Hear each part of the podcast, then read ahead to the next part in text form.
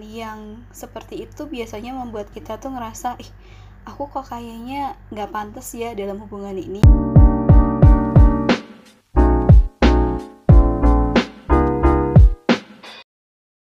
Hai teman-teman, kembali lagi di Kubis, Kupas Habis bersama gue Hana Maulida, Social Media Specialist dari Growth Space. Nah, di episode kali ini gue akan bahas tentang toxic relationship. Tapi gue nggak akan sendirian nih, karena kita akan undang seorang psikolog dan juga dosen yaitu Kak Salma. Halo Kak Salma. Halo Kak Hana. Apa kabar? Baik, baik. Alhamdulillah. Saya gimana kabarnya? Alhamdulillah sehat. Oke, Kak Salma ini dosen uh, psikologi ya kak? Iya, uh, dosen pengembangan karakter kebutuhan. Hmm, pas banget kita ngomongin toxic relationship terus dosen pengembangan karakter. Wow. Oke, nah um, tapi selain itu Kak Salma juga seorang uh, praktisi psikolog klinis. Betul. Uh -uh, di mana tuh kak prakteknya?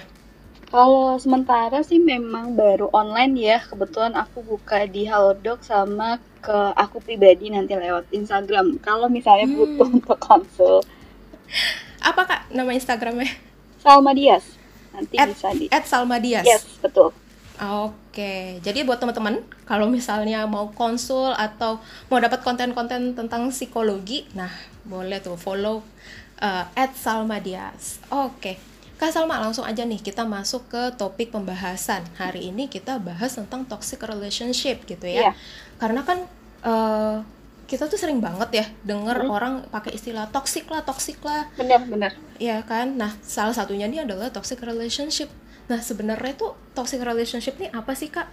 Oke, kalau secara harfiah ya kita artikan secara langsung dari katanya itu adalah hubungan yang beracun. Nah, dalam artian di sini hubungannya itu merugikan kita gitu, berdampak negatif tidak hanya ke fisik tapi juga ke psikologis. Karena kan hubungan seharusnya biasanya kan bikin kita happy, bikin kita lebih baik, tapi ketika kita terjebak nih di toxic relationship justru kita ngerasa lebih uh, sedih gitu, lebih mudah apa namanya lebih mudah kesal, lebih mudah marah dan kita malah tidak bertumbuh menjadi pribadi yang lebih baik seperti itu. Hmm, oke. Jadi seharusnya di dalam sebuah hubungan itu bisa membuat kita bahagia gitu ya. Betul. Tapi ini malah bikin kita sedih, murung gitu ya, Kak. Mm-mm, mm-mm. Tapi eh, apakah semua maksudnya kan semua hubungan pasti ada ups and down-nya nih, gitu kan? Ada masa-masa seneng, ada masa-masa eh, apa namanya? kita sedih, kita jealous gitu kan. Nah, sebenarnya indikasi oh itu toxic gitu atau oh ini tuh hubungan aku bukan toxic. Itu apa sih, Kak? Oke, dia disebut toxic relationship ketika itu sudah intens dan frekuensinya sudah sering. Jadi nggak cuma sekali dua kali terjadi. Terus kita sebut intens tapi perilaku yang itu merugikan kita secara fisik maupun psikologis yang bikin kita tuh dalam hubungan itu menjadi tertekan.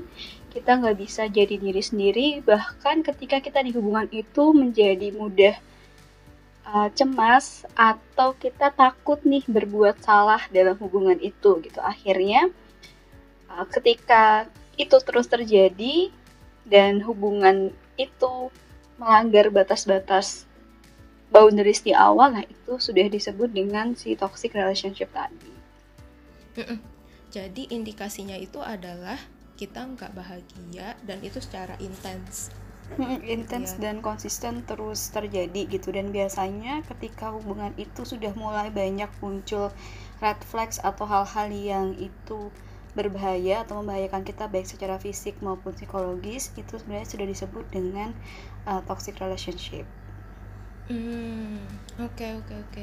Bisa ada contoh konkretnya gitu nggak sih kak? Kayak misalnya nih uh, efek tadi kan ada efek secara fisik gitu kan, efek secara psikologis itu sebenarnya yang kayak gimana sih kalau dalam uh, apa Hubungan. kehidupan uh, uh, hubungan Mhm. itu sehari-hari?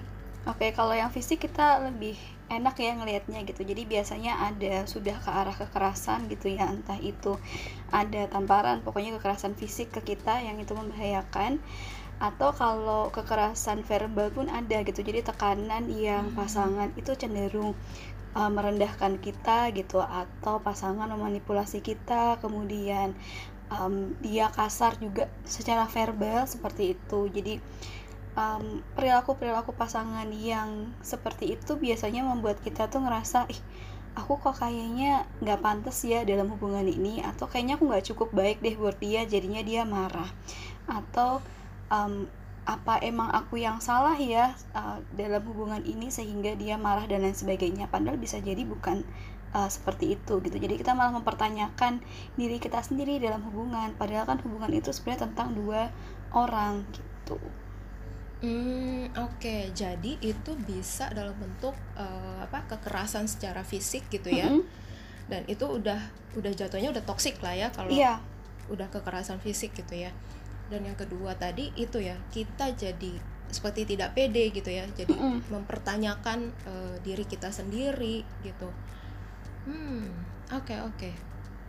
Uh, oh ya, ini aku mm -hmm. jadi menarik juga nih toxic relationship waktu itu kan kita pernah buka nih growth space pernah uh, buka diskusi tentang toxic relationship di Instagram gitu banyak juga DM yang masuk gitu ya uh, itu bilangnya tuh uh, toxic relationship nih uh, mereka bukan hanya sekedar hubungan percintaan gitu kak jadi ada juga yang ngalamin kayak sama keluarga lah atau misalnya sama teman kantor lah dan uh, hubungan uh, di luar uh, asmara gitu hmm. itu uh, toxic relationship ini sebenarnya asmara aja atau emang ke sebenarnya general gitu? Hmm, sebenarnya in general sih jadi hubungan uh, ah. kita dengan manusia lainnya jadi baik dalam hubungan percintaan asmara maupun pertemanan juga bahkan keluarga. Cuman kan yang namanya term si toxic relationship ini kan baru booming kan beberapa tahun terakhir jadi sebelumnya itu kita tidak melabeli itu toxic tapi memang hubungan yang kurang sehat atau cenderung nggak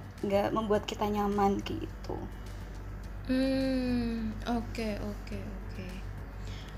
oh ya mm-hmm. um, oke okay.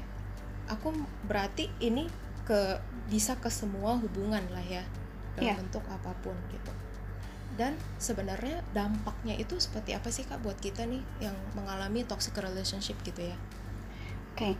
dampaknya biasanya kita jadi lebih sering merasa sedih ketika dalam hubungan gitu. Jadi kayak kenapa ya kok aku jadi sering nangisin dia atau nangis karena dia gitu.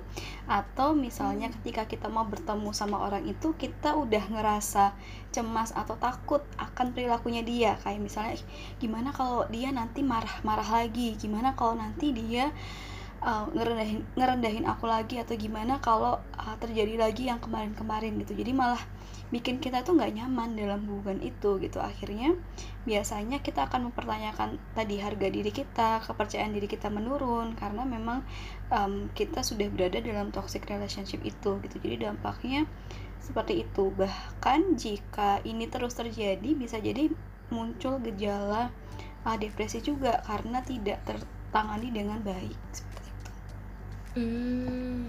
oke oke oke oke.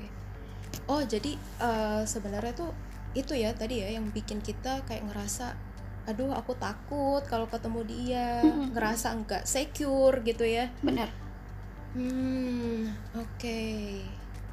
Dan berarti uh, dampaknya tadi sampai depresi.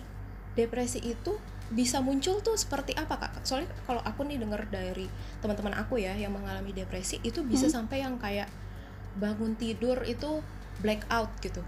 Bahkan nggak bisa bangun. Sesak hmm. napas. Kayak gitu-gitu.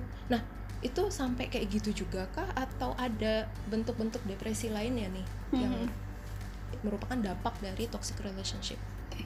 Kalau untuk gejalanya bisa jadi setiap orang itu berbeda, tapi yang biasanya hampir muncul sama adalah perasaan sedih yang intens dan sangat berat uh, dan itu terus menerus terjadi gitu. Biasanya memang diakibatkan karena hubungan itu gitu. Bisa jadi juga ada perasaan tidak berharga tadi yang terus muncul. Dan biasanya dimulai dari situ akhirnya merembet ke hal ya, ya hal yang lain juga kayak gitu. Hmm, oke okay, oke. Okay.